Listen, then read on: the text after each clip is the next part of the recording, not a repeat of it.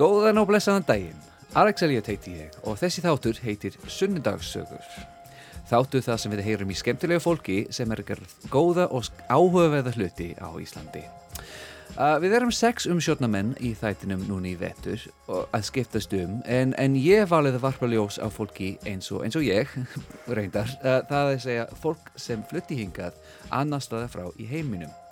Og það er þess vegna mín sönn ánægja að velkomin, að velkomna hér í dag Anna Guðbjörg Káten, prodúsent hjá CCP Games sem er upprunalega frá bandaríkinum, svona, cirka bát.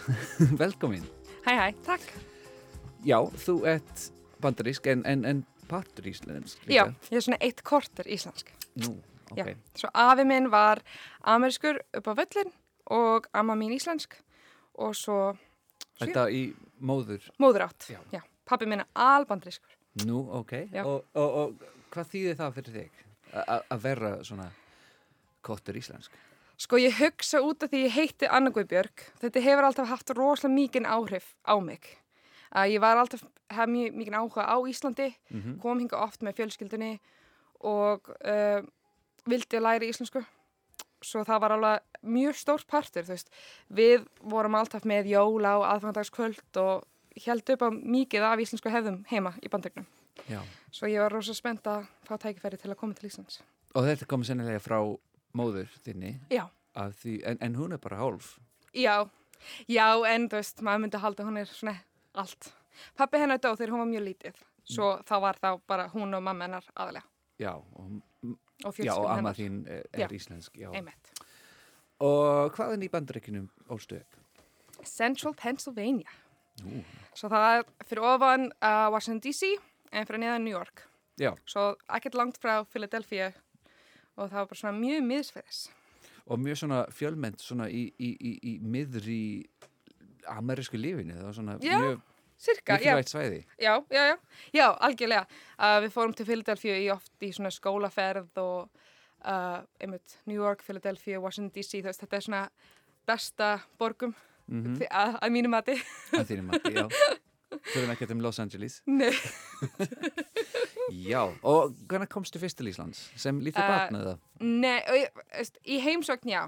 Ég held ég var eitthvað þryggjára og ég man eftir, ég fekk barbidúku um leið og flugvélum fór á loftið. Ég þurfti bara að ná það, þú veist, að ég fekk barbidúku og ég var svo spennt.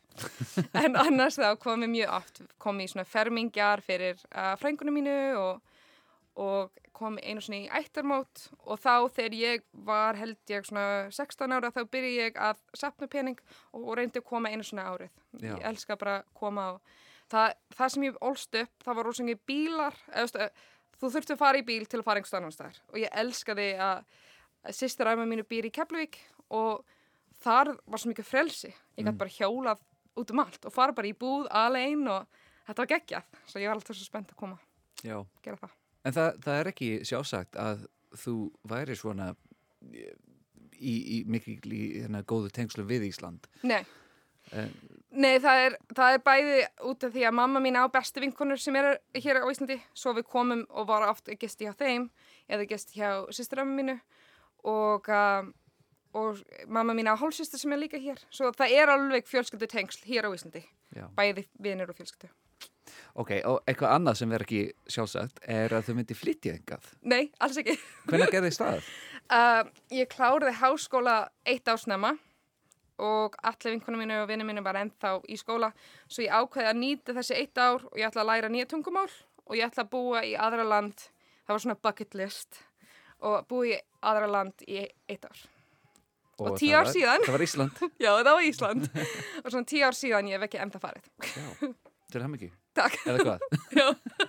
Nei, nei, það er mjög fínt Já, ok. Um, það er kannski góðu punktur til að byrja með tónlistina og, og, Já. og, og þú ert búin að velja nokkur lög Aha. til að spila í dag. Ég held að fyrst á listunum, þóttu við þurfum ekki að halda við listan, en það er hérna Don't You Worry About a Thing með Stevie Wonder. Já, Af hverju valdur þið þann lag?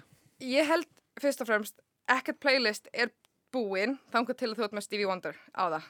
Hann er svo frábær. En uh, annars er ég uh, svo þið kvíðin manneskjan, hef mikið áhyggjur svo ég elska bara bæði læ, lægið er skemmtileg og uh, einhvern veginn, þú veist, maður finnur bara áhyggjur bara að fara í burtu þegar þú hlustar á þetta. Gjör svo vel.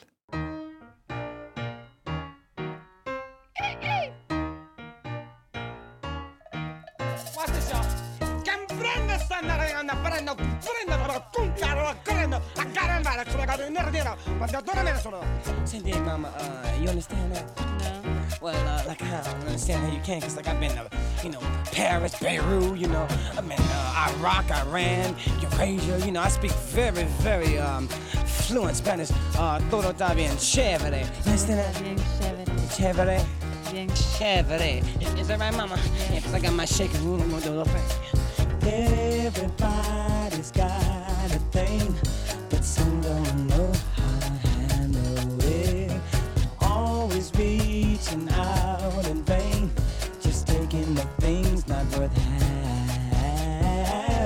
don't you worry about a thing. Don't you worry about a thing,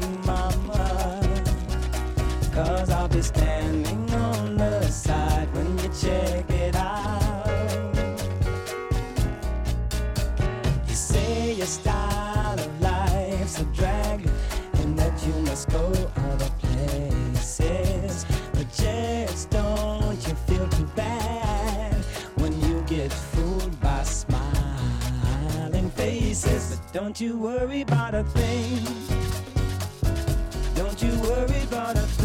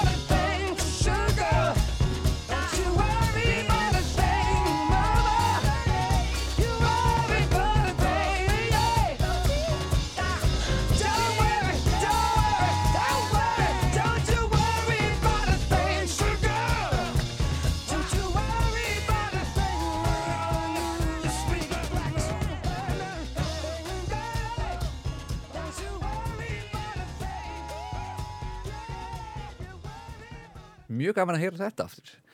Uh, Stevie Wonder, Don't You Worry About A Thing. En uh, Anna, við vorum að tala um þig og, og komuna til Íslands. En uh, já, það var fyrir hvað, tíu árum síðan. Já.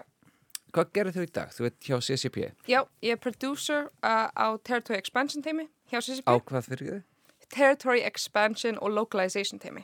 Já, sem sagt, já, þetta er svona a- að stæka hérna leikara hópin Já, um bæði stækka það og svo líka að við erum nú þegar með sex tungumálum sem við uh, þjónustu og svo þá þegar við setjum nýja texti inn í leikin þá við þurfum að passa að við teka þetta út og senda það til translation fólkið og þeir þá þýða það og við setja það aftur inn í leikin. Ok, er, er- er þetta nýtt verkefni? Að, mér, mér finnst eins og leikurinn hafi verið í, á ennsku lengst af Já, ég held það fór í frönsku í 2014, það er búin að vera í- langan tíma í öðrum tungumálum mm. uh, en það er svolítið, þú veist, nýja verkefni er kannski til að kanna öðrum löndum og öðrum tungumálum, uh, öðrum tungumálum og kanna hvað er best kannski til ef við myndum bæti við aðra tungumál við leikin. Við erum að tala um leikin en, en það, það er Online Já, Jú. leikin er Online en ég mynd bara einlega svolítið allt. Uh, þú veist, það, það er bæði leikin og svo þá öll svo markasefni. Er líka að þýða það, uh, vefsíðan, það tengist einlega þvert yfir fyrirtækið. Svo það er alveg mjög, mjög mikilvægt. Við viljum að fólk sem er að spila Eve Online eð, eða bara koma í eveonline.com í Japan, þeir líðar eins vel eins og fólk sem er að koma frá, uh, sem er að skoða á einsku. mm. Það skilja nægt Já. Hvað Hvað er svona áhrifa þættir í því að velja nýja tungumál og nýja markaðsvæði fyrir, fyrir leikin? Sko bæði þú ert að hugsa um fólk uh, þar sem er kannski núverandi að spila og er að spila, kannski myndi vilja spila sín eigin tungumál en þeir eru spila nú þegar á ennsku. Mhm. Það er bæði svona, eh, það er alls konar svona revenue forecasting sem maður þarf að gera, þú veist hvað er best, besta land til að velja sem kannski tengist öðrum löndum sem erum með. Um, það er svolítið mikið market research sem fer inn í því að hvað, hvar maður velur næst og uh, það er svolítið áhugavert hvað kemur, það er rosa margir sem kemur til greina og sömur sem, uh, sem spilar rosa mikið tölvuleik sem maður kannski hugsa ekki um eins og fólk í Tyrklandi spilar rosa mikið töl, tölvuleik og EVE Online, það er alveg mikið fólk þar svo, en er, ég er ekki að segja við erum að fara þangað, ég er bara að segja Já, til dæmis. til já. dæmis, já. Mhm. Og franska var fyrst. Að Það var svona, Uh, já, ég, nei, kannski ekki, ég er ekki alveg viss, sorry, ég er svolítið nýtt komin inn í þetta. En, en við erum í rúsnesku, frönsku, uh, japansku, kóriesku og þýsku mm nú þegar. Og svo ennsku. en ekki kínverska. N- Uh, við er, já, það er samt á, uh, inn í Kína, það er kínversku á þeirra, en það er tvær servers. Það er eitt uh, server í Kína og eitt sem er utanum. Ég er bara að hugsa svona upphátt hér því að kínverska er svo stórt uh, tungumál, stórt land Já. og kannski ekki fullt af fólki það sem tala uh, eða skilja ennsku Einmitt. en, en spænska til dæmis það er líka rosa stórt tungumál Já, það er alveg rétt. Það er líka, já, bæði, bæði í Evrópu og Latin America. Það er alveg rosa mikið af fólk sem tala það líka. Svo það er einmitt það sem við þurfum að skoða. Bæði ekki endilega, bæði hversu margir tala spænsku eða kínversku og það er líka svolítið að skoða hvernig það virkar uh, til að bæta það við. mm. Svo já. Þetta sjástætt um, um svona þróun og, og framhald leiksins en, en allir á Íslandi vita af Ivan Læn. Þetta Já. er mjög vel þekkt leikur en, en, en hann er búin að vera í gangi nokkur, nokkur lengi núna Já, það byrjaði í 2003, Já. svo það er 18 ára. sem er bara öld í, í, tölvulheiminum. Algjörlega. Já. Og núna erum við einmitt einbyttu okkur á svona Eve's Third Decade. Þú veist, okkur svona uh, mission er uh, Eve Forever og svo við viljum bara að halda áfram að þróa leikin svo það, og við erum, okkur markmiðið er bara að aldrei hætta að þróa fyrir Eve. En þá kannski kemur, þú veist, alls konar þessi Eve Universe sem hefur verið búið til. Þá við getum búið til aðra tölvuleikju sem er kannski tekið þátt í þann universe sem er tengist Eve einhvern veginn og svo líka halda áfram bara með, með þessi Eve Economy og Eve uh, Universe almennt. Þetta er svolítið áhugavert að hugsuna því að við, við hugsum kannski um tölvuleiki sem eitthvað sem kemur og fer svona, það er alltaf eitthvað nýtt Já. en Eve hefur verið í gangi svona allt frá upphafi basically í, í, í, í þessu svona sviði á, á netinu og Mhm. það er kannski hver veit, já, það gæti verið að eilífðu. Já, einmitt. Þetta er svolítið planið allavega og það er fullt af fólki sem, sem kannski spilar, kannski teka pása, það er mikið gangi í, í lífinu eitthvað svona og svo geta alltaf komið tilbaka og spila og finna bara sama community, sama samfélag sem er þar og það er svona corporations eða alliances eða eitthvað svona, það kannski hefur breyst aðeins en það er alveg hægt að koma aftur og, og fara í sama samfélag. Alveg eins og svolítið, þú flyttir í burtu frá þínu heimabæri og, og svo koma tilbaka. Hlutir aðeins öðruvísi en það er sama samfélag sem þú ert að koma í. Og Og sama þetta er- fílingu og já. Já, einmitt, og það er svolítið okkur markmið. Já, já, meir um það setna, en tónlist, Já, hvað er næst? Hérna, Satisfied, já, einmitt, Satisfied, já. úr, hérna, úr, af sveiðinu, úr, leikhúsinu. já, já, ég var rosa mikið geek þegar ég var lítið, eðast yngri og er ennþá. Ég, horfa á, ég hef horft á Hamilton, ég held ég byrjaði að hlusta á þetta í 2016 þegar það var í Off-Broadway og eða fór bara fyrst í Broadway og svo er það In the Heights sem er nýbúin að koma út og það var erfitt að velja eitt musical theater uh, lag en Satisfied held ég er besta Hamilton lag sem ég dyrka. All right, all right. That's what I'm talking about. Now, everyone, give it up for the maid of honor, Angelica Schuyler. A toast to the groom,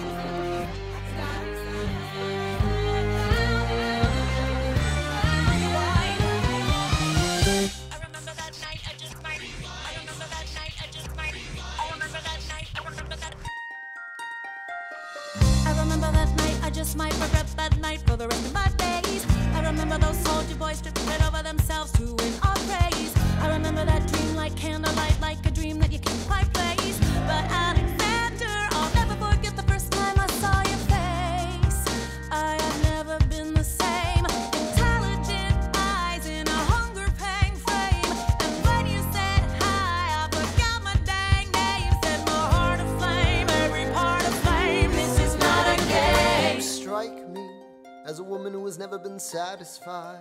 I'm sure I don't know what you mean. You forget yourself. You're like me, I'm never satisfied. Is that right? I've never been satisfied. My name is Angelica Schuyler. Alexander Hamilton, Where's your family from? unimportant, there's a million things I haven't done. Just you wait, just you wait. So, so, so, so this is what it feels like to match wits with someone at your level. What the hell is the catch? It's the feeling of freedom of seeing the light. It's Ben Franklin with the key and a kite. You see it right? The conversation lasted two minutes, maybe three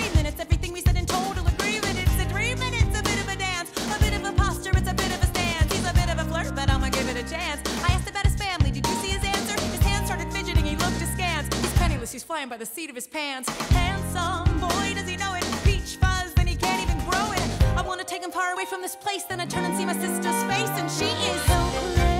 And I know she is helpless. And her eyes are just helpless. And I realize three fundamental truths at the exact same time. Where are you taking me? I'm about to change your life. Then by all means, lead the way. I'm a girl in a world in which my only job is to marry rich. My father has no son, so I'm the one who has to social climb the one. So I'm the oldest and the wittiest, and the gossip in New York City is insidious. And Alexander is penniless. that doesn't mean I want him any less. Elizabeth Schuyler, it's a pleasure to meet you. Schuyler. My sister. Number two. He's after me because I'm a Schuyler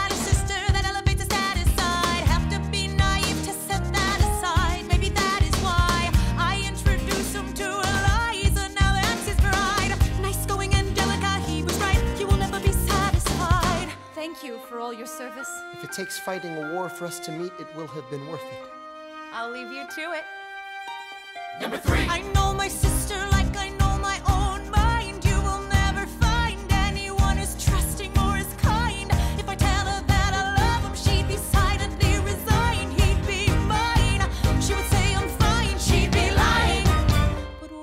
fantasize at night, it's Alexander's eyes as I romanticize what might have been if I hadn't sized him up so quickly. At least, my dear Eliza's his wife. At least I keep his eyes in my life.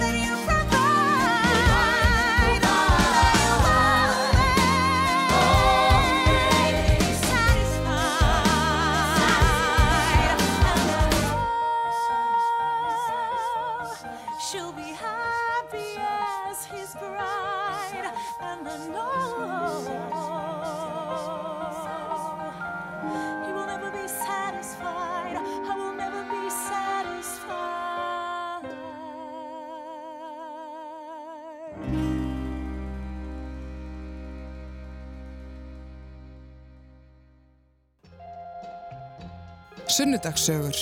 Alla sunnudaga strax eftir hátegisfréttir. Já, þú ert að hlusta á Sunnudagssögur á Rás 2. Alex Elliot heiti ég og ég er hér með Anna Guðbjörg Káten, producer eða producent hjá CCP Games og við vorum einmitt að tala um CCP og þetta er, held ég, án efa mest þekta hérna hátækna fyrirtæki á Íslandi. Já, Kemur hugsa það. ekkert annað til greina Nei, að mínu mati. nei, og jafnvel mest þekta svona með jákvæðustu ímynd já, allra fyrirtækja nema bónus já, einmitt, einmitt.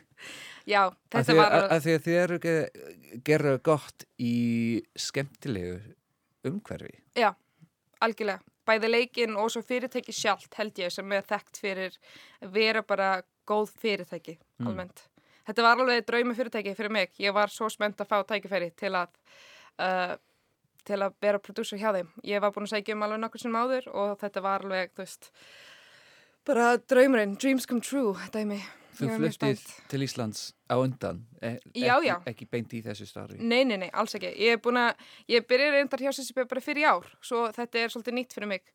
Um, en, en ég er samt alveg, hefur verið inn í te svona tech svæði á Íslandi í svolítið, í svona sex ár. Mhm. En, uh, en já, það er alveg geggjað og the, eins og eitt vinkonu mín sem byrjaði líka hjá CCP, hún sagði, the hype is real. um, um bara fyrirtækið já. já, umhverfið fyrirtækið og allt þú veist, mér fannst bara geggja að ég var komin og glæni og allir var bara svo vinaleg og auðvitað þú veist, flestir í vinnustæðunum mynd, þú myndi halda þú veist, allir er vinaleg almennt með nýja fólkið. En þú veist, sérstaklega þú veist, bara herðu, ertu með spurningar? Lát mig vita, þú veist, fólki sem ég er að vinna með sem er bara uh, lát okkur vita ef það er eitthvað sem við getum svarað eða eitthvað sem þú þarfst hjálp með bara heyri okkur, þú veist. Og fólk var, mér fannst fólk bara svona hálf svona herru, ég er ekki búin að heyri þér, hvernig gengur, þú veist til að gera hvað sem er. Mm. og þetta um er ekki að ræða lítið fyrirtæki. Nei. Fölta fólki þar. Já, það af fólki og við erum einmitt með eitthvað show and tell aðra hverju viku þar sem þú fæ að sjá hvað öllum teimi er að gera. Þú veist, það tekur svona hverjum hóp í einu og það er yfir 300 mann sem vinnir hjá CCP almennt bæði uh, í, í Reykjavík og London og Shanghai.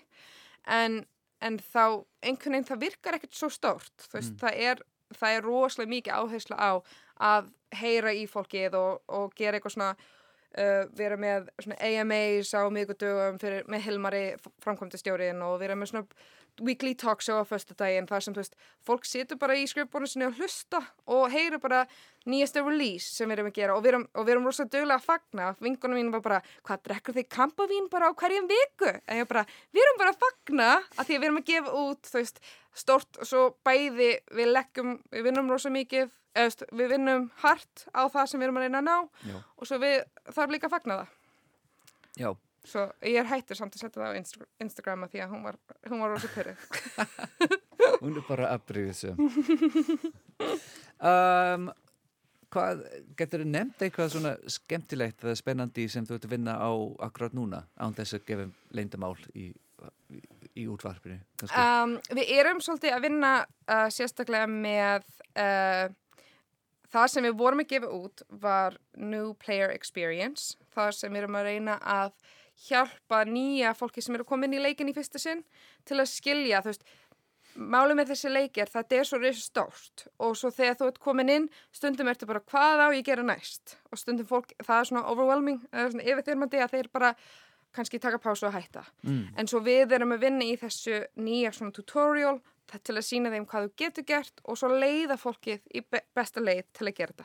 Og við vorum að gefa það út í september en okkur teimi þá er að vinna með uh, svona voiceover uh, vinnu og að reyna svona að kanna hvað tungumál uh, fyrst erum við bara með voiceover á ennsku en við viljum samt að koma því það skiptir svo miklu máli fyrir þessi uh, experience til að komast inn og heyri þá rúsnesku eða japansku, þú veist, voiceover alveg eins og ég er að hlusta á ennsku og svo við erum svolítið að vinna í því að þetta kannski virkar ekkert æsspennandi en við erum rosa mikið að supporta það þá að hjálpa öllum hinum territorium og löndum og tungumálum að líða alveg eins og þú veist, ennsku mælandi fólk.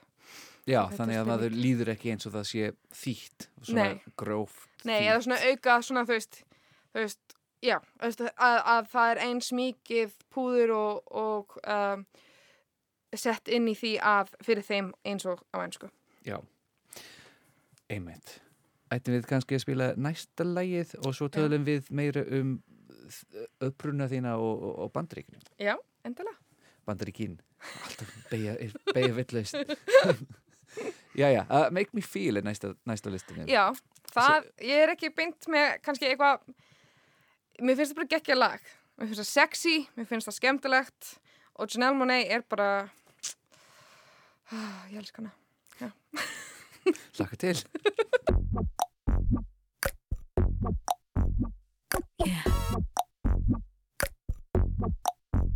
Baby, don't make me spell it out for you.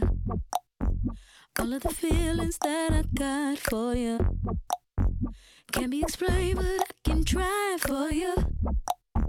Yeah, baby, don't make me spell it out for you. You keep on asking me the same questions. Why? And second guessing all my intentions. Should know by the way I use my compression that you got the answers to my confessions. It's like I'm powerful with a little bit of tender and emotional, no sexual bender. Mess me up, yeah, but no one does it better. There's nothing better. That's just the way you make me feel. That's just the way you make me feel. That's just the way you make me feel. That's just the way you uh-huh. So good, so good, so fucking real. Uh-huh. That's just the way you make me feel. That's just the way you make me feel. That's just the way you make me feel. You know I love you, so please don't stop it. You got me right here in your jean pocket. Right now. Laying your body on the shag carpet. Oh, you know I love it, so please don't stop it. It's like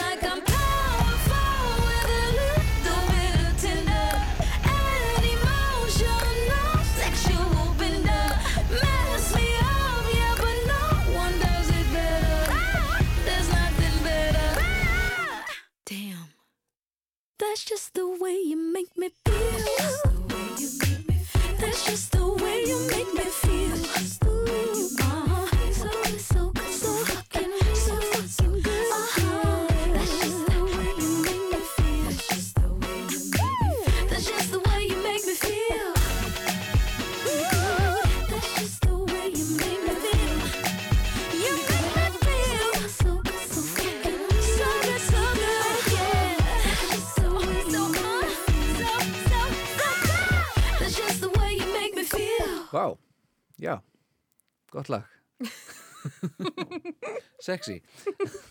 Uh, Anna, við vorum að tala um vinnu Mhm. en núna ætlum ég að tala meira um uppruna þína og, og, og, og lífið í bandaríkinum um, Þú ólst upp í svona tveimur heimum, íslensku og amerískum eru helstu hluti sem eru mismunandi öðruvísi þar heldur en hér? Og kannski eitthvað sem þú saknar frá bandaríkinum oh, Matin, sem er skrítin og það er allt verst á matin Við erum að fara heim, við ætlum að fara heim um jólin og ég og maðurinn minn maðurinn minn er al, alíslenskur en við erum samt bæði með list af öllum stöðum sem við ætlum að borða þegar við fyrir Já, sem þetta veitingastöð Já. og það er aðlega eitthvað svona burgers eða Philly cheesesteaks eða eitthvað svona sem þú veist er ekki endilega fine dining en bara eitthvað sem maður fæ ekki hér. Mhm. aðlega það um, Eru borgararnir ekki góður á Íslandi? þeir eru rosa góðir rosa góðir en Shake Shack og Five Guys þeir eru bara aðeins öðruvísi. Það er að vinna með aðeins öðruvísi. En um, en nei, já við uh, matin er kannski helst en, en veist, eitthvað sem maður geta lifað án þannig séð, við erum að vera rosa duglega að, að að elda sjálf. Uh, en já veist, það er að koma vetur núna maður er samt svolítið að venjast því Mhm. Þú veist, það er búin að vera tíu ár en samt maður þarf alltaf að venjast myrkrunu sem kemur við að búa á Íslandi Myrkrinu, já. Já. Ekki kannski hittast í það Nei, það er mjög svipað Já. í, í Pennsylvania þar sem ég er. Stund, oft er það kaldri hjá mömmu frekar en hjá okkur. Svo það tröfla mig ekki, en það er aðalega myrkrunu sem ég hef erfitt með. Já, Uh, sem ég hugsa flestir er svolítið, þú veist, finnir fyrir. En annars, nei, það er ekkit, uh, maður auðvitað sagt um fjölskyldur sýsla í svona COVID-tíma, það maður hefur séð þeim svo lítið. já. Hvað er langt síðan þú fórst? Við reynda var uh, þar um jólinn 2019. Já, Svo við erum rétt áður en allt. Vorum, ég er mjög ánægð sem við fórum þá. En ég á tvö lítið börn og þeir elska að koma til ömmu og sjá allt í bandríknum. Það er allt svo nýtt og skemmtilegt. Stórt. Já, stórt. Hvað er, já, þú nefndir skamdegið. Um, hvern, hvernig líður þér um veturinn í ár, sérstaklega? Sko, ég held að hefði hjálpað að vera með lítið börn. Mm. Af því að þeir vakna hálf sjö alveg sama hva, hvernig það lítur út úti. og það er eitthvað svona, ok, já. En annars ég man eftir þegar ég fyrst flytt hingað, ég átti eitthvað tíma sem í skólanum sem var klukkan átta. Ég er bara svona, ekkert séns að ég get vakna í l- s- lok november fyrir þennan tíma. Það, er, það var einhvern svo erfitt. En núna það er ekkert, ekkert svo erfitt, þú veist, ég kveiki bara á fullum ljósum og mamma mín, hún, hún, hel, þegar hún kemur í heimsögnum veturinn, hún er alltaf að lappa eftir mér að slöggva ljósin, af því hún heldur að ég er eða svo mikið rafmagn, en ég bara, nei, þú veist, hættu, og ég fer tilbaka að það er að kveikja á öllum, ég vil bara hafa mjög bjart. Já, sammála. En, já, já, uh, fórstu í, þú varst í háskóla í Bandaríkjum? Já. Já, einmitt, hvað lærið þið? Uh, Alþjóða samskipti, Já, það passar, það smell passar starfið í dag. akkurat, akkurat, það er rosa fínt. Og þá fór ég einmitt í HR í Alþjóða viðskipti, Já, í ger, ég gerði smáskóla hér líka, mm meisturinn hér og, eða hás, og háskólanám úti, úti. uh, barslurs úti. Frábært. Það er eins og þú varst að byggja einmitt að þessari starf. Já, work towards your goals. Akkurat. Um, en hvað svo? Þú nefndir að þú ert búin að vera í, í hátæknagerunum á Íslandi nokkuð lengi fyrir utan CCP. Já. Hvað varst að Já, gera? eftir ég kláraði há, uh, háskólanum, ég fór uh, til fyrirtæki sem er AGR og þeir eru haugbúna fyrirtæki fyrir um, byrðastýring, mjög sexy. en nei, þeir eru frábært og ég byrjaði þar þá í markastilt og svo færið mig yfir í dev teimi og byrjaði að vinna þar uh, meira í svona product ops og svona og þá, uh, þá kom tækifæri upp til að vera prodúsi hjá CCP og það var bara þetta var eins og segi, bara draumurinn svo það var ekkert sem, eitthvað sem ég gatt ekki nei við svo. Svo Og þetta opnar fullt af dýrum í sjálfur í sér að- hafa þetta á ferilskráni. algjörlega, algjörlega mér finnst bæði tech almennt er það bara eitthvað svo áhugavert með þetta og uh, það vantar alltaf fleiri konur í tech, svo maður, það er aldrei slant. Og svo líka uh, bara í framtíðin einmitt, maður þarf svolítið að hugsa um það oft, bara hvað, ekkert endilega hvað kemur næst en, en til að byggja lífið, þú veist, þar sem þú getur farið í aðra ef, ef það þarft eða eitthvað. Í vinnunni, hva, hvað er svona hlutfall tíma sem þú veit í sams, beinu samskipti við fólki og í bara samskipti við tölvuna og þú veist, svona í ein heimi? Mm, ég er út af, því- mitt producer staff er rosalega mikið í samskipti við fólkið. Mm. Svo þá ég er bara að passa upp á þegar við erum vi- með eitthvað ákveðin verkefni að það klárast og svo ég er rosalega mikið að spjalla við, þú veist, þessi teimi og þessi teimi og svo fólk í mínu teimi, hvernig, hvernig lítið þetta verkefni út, er, erum við ennþá on target, erum við fara að ná þessi deadline, hvernig er releaseið, getið þið uh, skilið þetta til mín eða við þurfum að fá þetta á morgun eða, þú veist, og svo líka bara bæði með svona localization eins og það kemur eitt teimi til mín og sagði bara, veist, við þurfum að fá þessi þýtt inn í fyrir næsti eventið, við þurfum að passa að hafa það inn, hvernig virka það fyrir okkur, svo þurfum, veist, svo það er endurlust held í samskipti. Það einasta sem ég,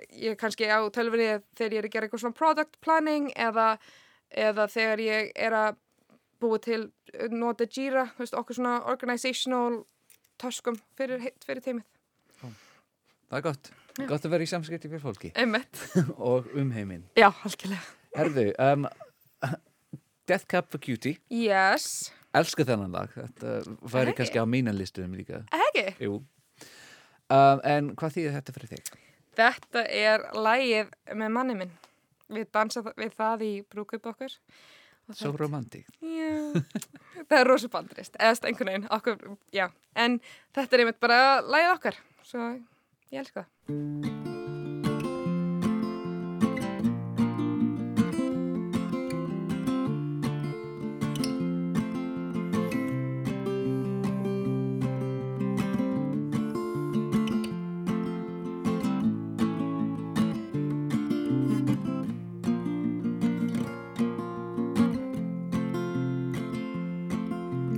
Love of mine, someday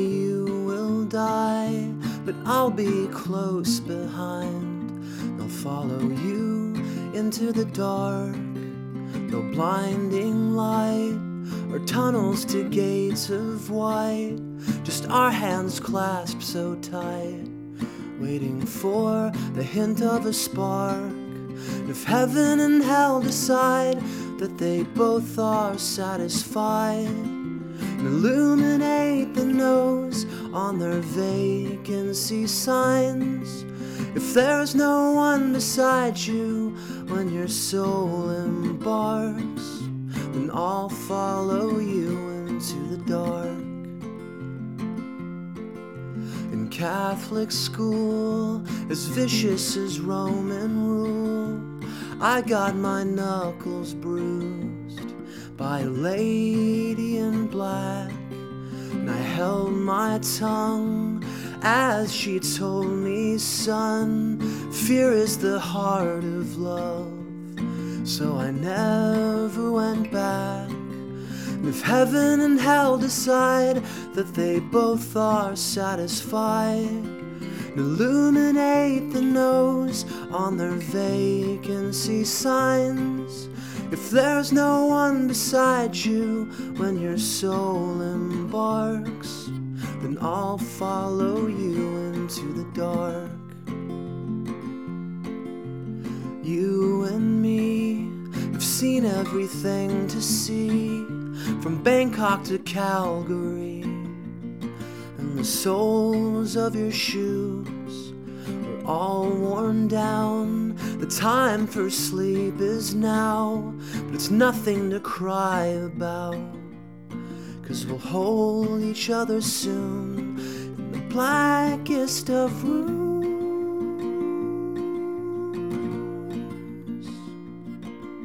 If heaven and hell decide that they both are satisfied, and illuminate the nose on their vacancy signs. If there's no one beside you when your soul embarks, then I'll follow you into the dark. And I'll follow you into the dark.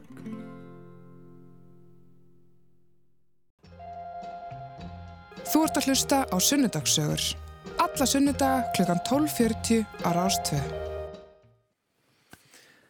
Þú ert að hlusta á sunnudagsugur og ég er hér með uh, Anna Guðbjörg Káten, producent hjá CCP Games og þú sér einmitt um tungumál innan uh, leiksins, leikarinnar, nei leiksins.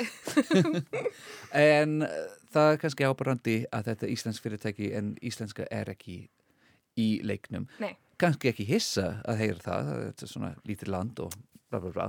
Einmitt. En hvernig er að vera svona Íslandingur í þessu mjög alþjóðlegt fyrirtæki á Íslandi það sem það er ekki talað ensk, íslensku Já. eða pínu skrítið eða bara mjög þægilegt Uh, fyrir mig er það mjög þægilegt af því að ennsku er móðumáli mitt svo uh, ég, við höfum svo fyndið, ég hef alveg reynd Íslingar eru rosa dögleg að tala íslensku í milli, veist, kannski á slakk eða eitthvað svona, bara þegar það er tvær Mm. skriflegt og ég hef alveg gert það og ég geri það en um, mitt íslensku er miklu augljóslega verri þegar ég skrifa það frekar en þegar ég tala það. Ég get, hreimurinn minn er allt í lægi og ég svona fiffa það ef ég tala ná hratt fólk er ekki pæli í, í öllum vittlöksu beigingar sem ég er að gera. En, Gott ráð, gott ráð. En, uh, en í e-mailið eða í skrifleg samskipti það er miklu au- augljósari. Ég man eftir uh, það sem ég vann áður það var eitt konu sem hún er rúsnesk og hún læri íslensku líka. Við tölum bara bæði íslensku saman. Mhm. við vorum að senda e-mail til hvort öðrum og hún sendi mér eitt á íslensku. Ég skildi ekki beint svo ég svaraði henni samt á íslensku. Og svo hún svaraði tilbaka og við vorum, ég skildi ekki hvað var í gangi og svo ég síndi yfirmaður minn og hann horfði á e-mail chainið og hann bara ég veit ekki hvað korrekt er að segja og svo eftir það við ákveð bara við ætlum bara að tala ennsku saman. Það er bara auðvöldri og svo þú veist, það er einmitt rosa fínt í CCP, þú veist, maður uh, í fundum, þó að við erum uh, heila veist, fullt af íslendingum við samt efni sem er að tala um eins og þú sér í þessi viðtali ég, er- þegar ég tala um vinnu mínu ég ég er að sletta svo mikið að það er svo margt sem við gerum sem ég, ég hef aldrei þýtt. Þú veist, ég hef aldrei pælt í því á íslensku, af því að ég tala um það voiceovers, ég tala bara um það á ennsku og svo já, svo, uh, það er áhugavert uh, til að einmitt að heyra fullt af íslendingur með rosa sterka íslenska hreim að tala ennsku en mér finnst það alveg, þú veist, þetta er besta leið til að fá allir til að vera með þú veist, og þú get ekki haft eitthvað svona alþjóðlegt fyrirtæki og fá fólkið til að flytja þú veist, frá öðrum löndum og svo bara vera fyrir utan í alls konar samskipti bæði, og ekki bara vinnusamskipti líka bara uh, svona uh, spjall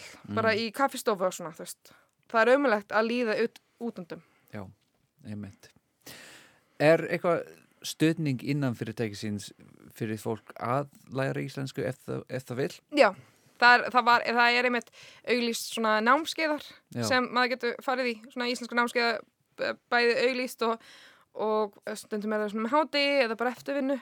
Uh, það, sem, já, það er ákveðum fyrirtæki sem bjóð upp á það og, og fólk nýtir það alveg. Fólk er rosa spennt að læra íslensku.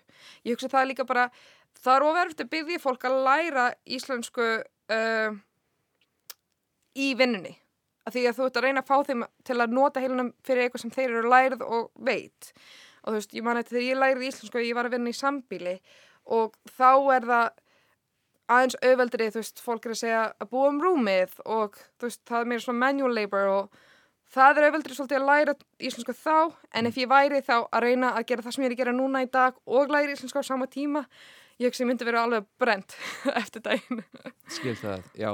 Ég var einmitt að fara að spyrja þig hvort þú ólst upp með íslenskuna. En, Nei, en ekki. neitt, nei. Nei. Það magnað hversu vel þið tala tungumálið. Takk, En nei tíu ár, þannig að uh, Já, kannski alveg. Já, algjörlega Það er bæði, þegar ég fyrst flutt til Íslands, það var eftir ég bann í sambíli og um, allir í sambílinu talaði þeirra öðru tungumál var norsku eða sænsku svo þeir voru ekki góð á ensku svo þeir vildi ekki svo þeir, þú veist, fyrsta þrjá mánuði ég hugsa ég talaði mjög lítið Mm. og ég hugsa það er svona örgulega mest sem, minnst sem ég hef talað þar í lífinu mín í þessu starfi var, þú veist, einhver sem núna ætla við að búa um rúmið og ég vissi ekki hvað það var að segja en ég bara gerði það sem það gerði og svo, já, og svo þá ég eignast vinkunu þar og þeir eru bara Anna, þú ert íslendingur við ætlum bara að tala íslensku við þig.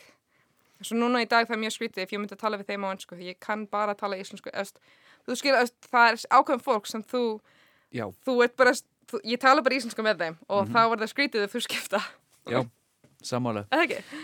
Uh, Já, þannig að uh, Ertu búin að nálgast þann punkt eða, eða einhver tímapunkti sem þú manst eftir þegar þú sagði, já, ok, núna kann ég þetta ég er búin að læra íslensku eða, eða þetta er svona never ending verkefni Uh, þetta er never ending. Ég elska, já, uh, sko, maðurinn minn tekur svona eitt og eitt svona orð sem ég er að segja eða svona frasa sem ég er að segja villust og svo reyna svona vinalega bendum á þetta á hverjum sinn sem ég segi það villust. Núna er svona minn finnst það rosa gaman að leiða þetta mér nema hann er fimm ára og hann er að segja það villust. Nei, mér langar Já, einmitt, einmitt. En uh, nei, það var alveg eftir tvö ár, það var, veist, þessi sambíli var bara immersion og, og það hjálpa rosa mikið. Ég hugsa, ef ég hefði aldrei unnið þar, ég hefði aldrei örulega lært íslensku eins vel. mm Uh, en svo það var svona eftir 2-3 ár þá var svona ok, ég er nokkuð góð í þessu. En, en, uh, en þetta er samt alveg never ending. En ég held að líka þegar ég hætti að spá í málfræði og beigingar of mikið. Af því að þá var ég svo hrætt að tala og ég var alltaf svona að giska og þá þú veist, ég náði aldrei að tjá mig. Og svo ég held einmitt bara tala og þú mun finna það af og til cirka Algjörlega samála þér. Jæja, sko, tíminn líður. Um, Hvað er, næ, það er Kendrick næst á hjá þér. Kendrick uh, er sko einhvern veginn Kendrick Lamar er maður minn elskar hip-hop og rap og uh, hann svolítið kynnti mig fyrir honum. Uh, Sónu minn á síni uppáhalds Kendrick lag dóttu minn þar eitt lag Love sem hún tengi svo mikið við hennar uh, við hana, einhvern veginn ég býr til myndböndum og nota það eitthvað þessu uh, lag I, mér finnst það svo sjúklega skemmtilegt lag og eitt af uppháls frá honum svo það er bara gekkja This is a world. This is a world premiere. This is a world premiere. I done been through a whole lot. Trial, tribulation, but I know God. Satan wanna put me in a bow tie. Pray that the holy water don't go dry, yeah, yeah. As I look around me, so many motherfuckers wanna down me. But they know me gon' never drown me. In front of a dirty double mirror, they found me. And I love myself. The world is a ghetto with big guns and dick inside. I love myself. But they can do what they want whenever they want, I don't mind. I love myself. He said I gotta get up, life is more than suicide. I love myself. One day at a time, sun gon' shine. Everybody looking at you crazy. What you gonna do? Or let the paranoia haunt you. Peace the fashion police, I wear my heart on my sleeve. Let the runway start. You know the miserable do love company. What do you want from me and my scars? Everybody lack confident. Everybody lack confident. How many times my potential was anonymous? How many times the city making me promises? So I promise this. I love myself. The world is a ghetto with guns and dick inside. I love myself. But they can do what they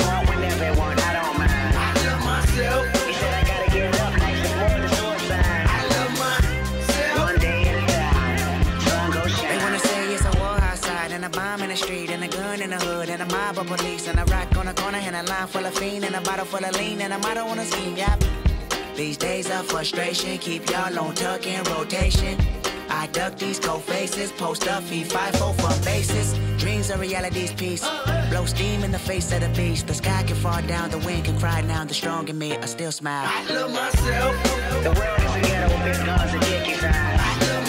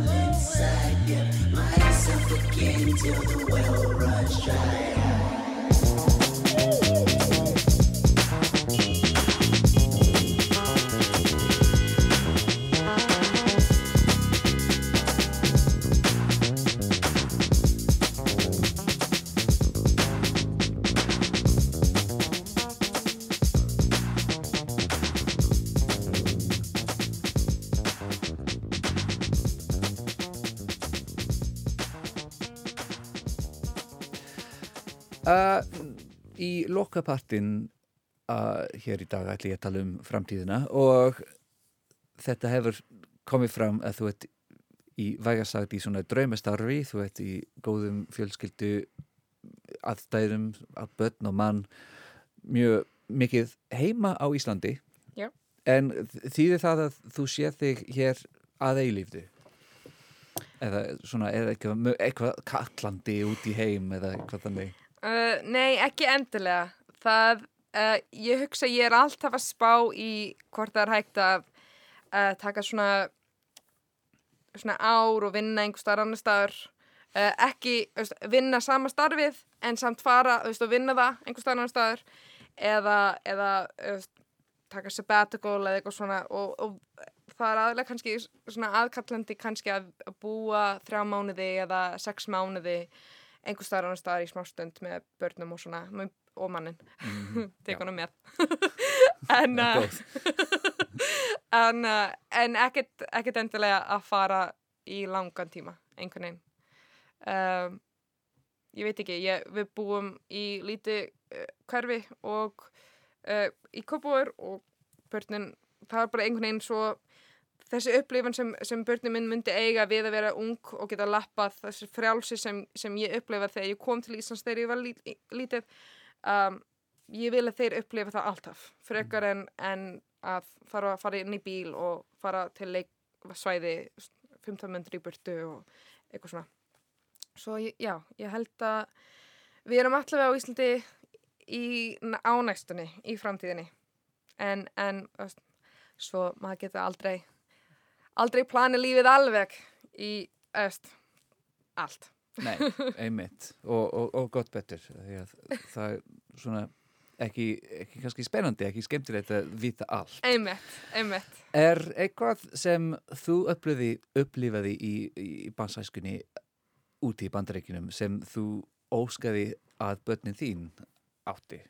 Eh, Þú nefndir hversu gott það er hér, en, en hvað er kannski ekki svo gott? uh, ég, ég elska að fara eðst, mitt svona happy place mun alltaf verið ströndina í bandrygnum við fórum þar á hverjum sumar þetta var eitthvað sem bara eðst, minningar um eðst, bæði til að vera á ströndinni við erum í fjölskyldinni, ég elska þetta Mm. og það er eitthvað með það er eitt alveg punktur að ég myndi vilja að geta farið með börnum mín í strönd uh, og, og kannski myndi sem bandríkjumenn finnst það skrítið en við fórum alltaf í Ocean City í New Jersey. Veist, þetta er ekki, kannski New Jersey er ekki þekkt.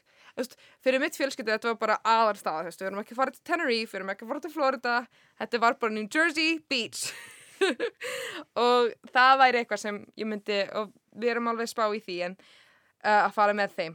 Uh, en aðalega það kannski þessi svona til að upplifa mikið af sól, hita veist, í sumarið, það er kannski mest svona sem er sem ég man eftir frá æskunni sem er alveg ekki og það er svolítið erfitt að vera svo langt frá mínu fjölskyldu veist, frængu, og mamma og um, svo ef bræðinu mínir úti svo það er erfitt fyrir svo að þeir alast upp án því en, en við erum svona við dögulega að fá þeim hingað og fara út Já, og þú átt fjölskyldu mannins, mannsins Já, líka. og hann af bræður Já. svo þeir, þeir virkar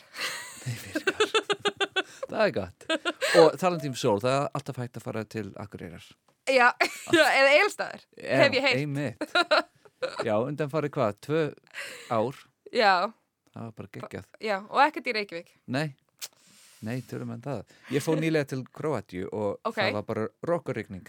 Eða það? Já, fyrstu vika, Þetta er á listinu mínu já, ég mæli með. Já, en það var bara okkur reikning Já, Ömurlegt. og allir það er svona, að það var aldrei svona, aldrei svona.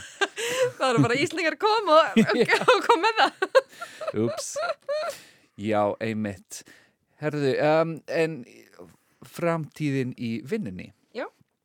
Um, þú ert að þróa þessu svona, hvað, hvað heitir það aftur? Eve Forever, var það? Já, það er planið Þannig að þú gæti alveg unnið þar, Forever. Já. Ef það gengur að óskum. Já, algjörlega, algjörlega.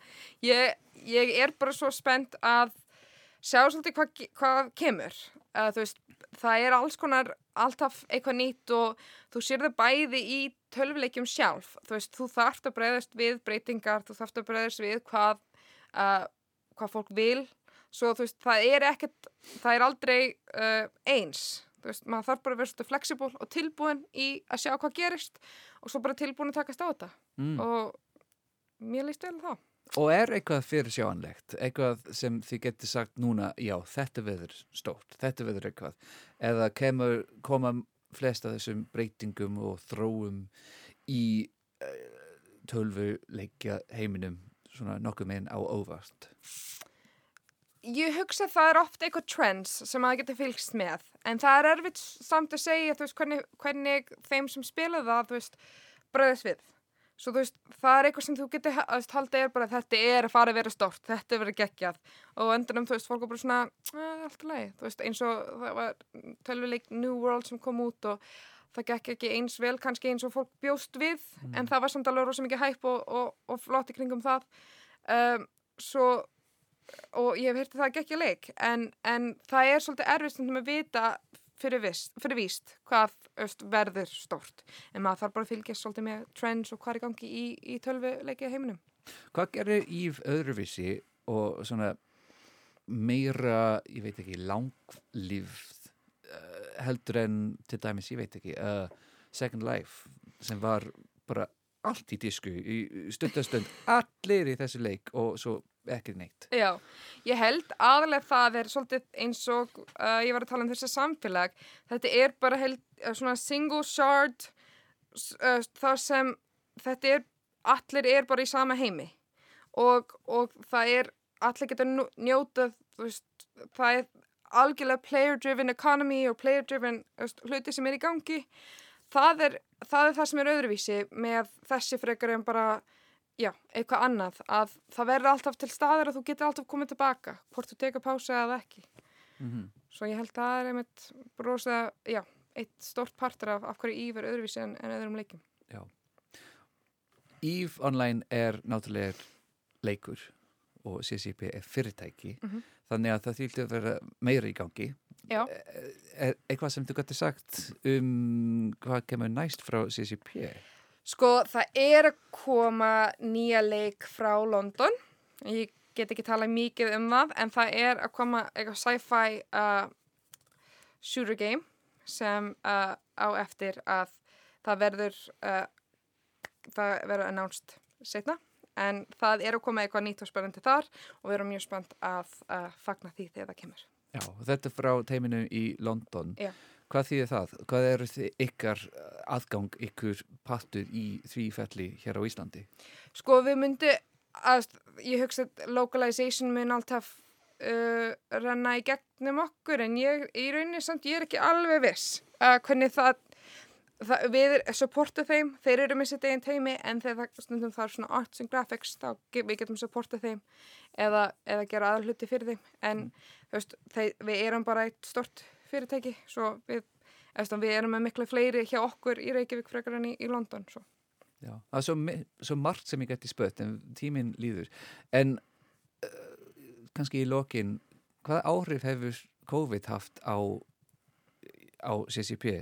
Ekki bara út af daglega lífi svona að fara inn á skrifstofu, heldur líka samskipti við fólkinu í, í London og Shanghai. Hefur það haft eitthvað áhrif? Um, það er, ég hugsa, við hefum alltaf verið rosa dugleg að uh, spjalla saman hvort eða er, þú veist, á netið. Og út bæði líka, þú veist, í okkur skrifstofan samt, samt stundum er fólk eins og þegar við, við vorum með quarantine areas, eða svona, svona já, já, sótvarnasvæði einmitt. svo það, það var ekkert skrítin að fólk myndi verið að taka fund með einhver öðrum hinum megin, þú veist, bara á tölfunni við erum alveg dögulega að spjalla saman og bröðast við eins, eins og við getum með þessu. Uh, það, það sem ég elskaði með COVID var við getum eiginlega ekki nota 2020 fyrir neitt revenue forecasting eða neitt að því að það var bara svo mikið spike þegar COVID og það var lockdown að því fólk var að spila tölvuleik heima. Svo það er bara svo mikið anomaly til að nota 2020 í eitthvað svona. Svo mér finnst það, bæði, það var áhugavert ár fyrir uh, fyrir fyrirtæki sjálft og leikin og svo líka bara uh, ég held við erum rosalega uh, vel undirbúin til að tala saman, þú veist, bæði í gegnum Teams eða Slack eða eitthvað svona. Og stundum er ég ekki alveg viss hvort einhver er komin í skrifstofunni eða hvort ég er bara að spjalla við þeim heima veist, það er af því að við erum svo duglega að spjalla endalust en ekki endalega uh, face to face. Já, sem sagt, ennþá til dagsins í dag. Já, flestir er komin í skrifstofunni en þú veist, að því að við erum með heila hæð á grósku stundum, veist, í staðan fyrir mig að eða tíma að lappa einhver stað til að finna þeim og kannski að þeir fara í kaffi eða fara í, í fund, ég freka bara að pinga þeim og heyri þeim. Einmitt, svona kjör aðstæður fyrir ykkur reyndar að að vera tölvufyrirtæki, svona hátæknifyrirtæki Algjörlega. þegar þetta kemur upp og allir er á tímskotið er Já. æði. Bara gangi þér og ykkur vel. Takk kærlega fyrir tíman í dag, Anna Guðbjörg, KDN, producent hjá CCP Games. Mjög ánægilegt að spjalla við þig. Takk, takk. Síðasta lagið er eina íslenska lagið á listunum, uh, þetta með Friðrik Dór Já, í síðasta skipti. já. Af hverju? Sko, ég mun alltaf halda að við hefði önnu Eurovision með Frögdór, þú veist, ma- hann er, þetta er bara besta lag, eitt af bestu lögum held ég í heimi. Að það er bara besta lag til að enda með og svo uh, það bara minni mig einmitt um vinkonu mínir á Íslandi hér. Veist, við, þegar við heyrum þessu lag, alveg saman hvar við erum, við erum alltaf bara að senda mynd eða myndband til hvort öðrum, syngjandi mjög hátt þessu lag. uh, svo það er alveg, já, það bara minni mig um Ísland, eiginlega. Frábært. Takk aftur og takk fyrir samfélgina í dag. Bless, bless. Ég man það svo vel Manstu það hvernig ég sveiflaði þér Fram og tilbaka í örmunum á mér. Ég man það, ég man það svo vel. Hmm, því þessar minningar, minningar Kvelja mig, kvelja mig. Gerðu það, leif mér að Í síðasta skipti Haltu í höndina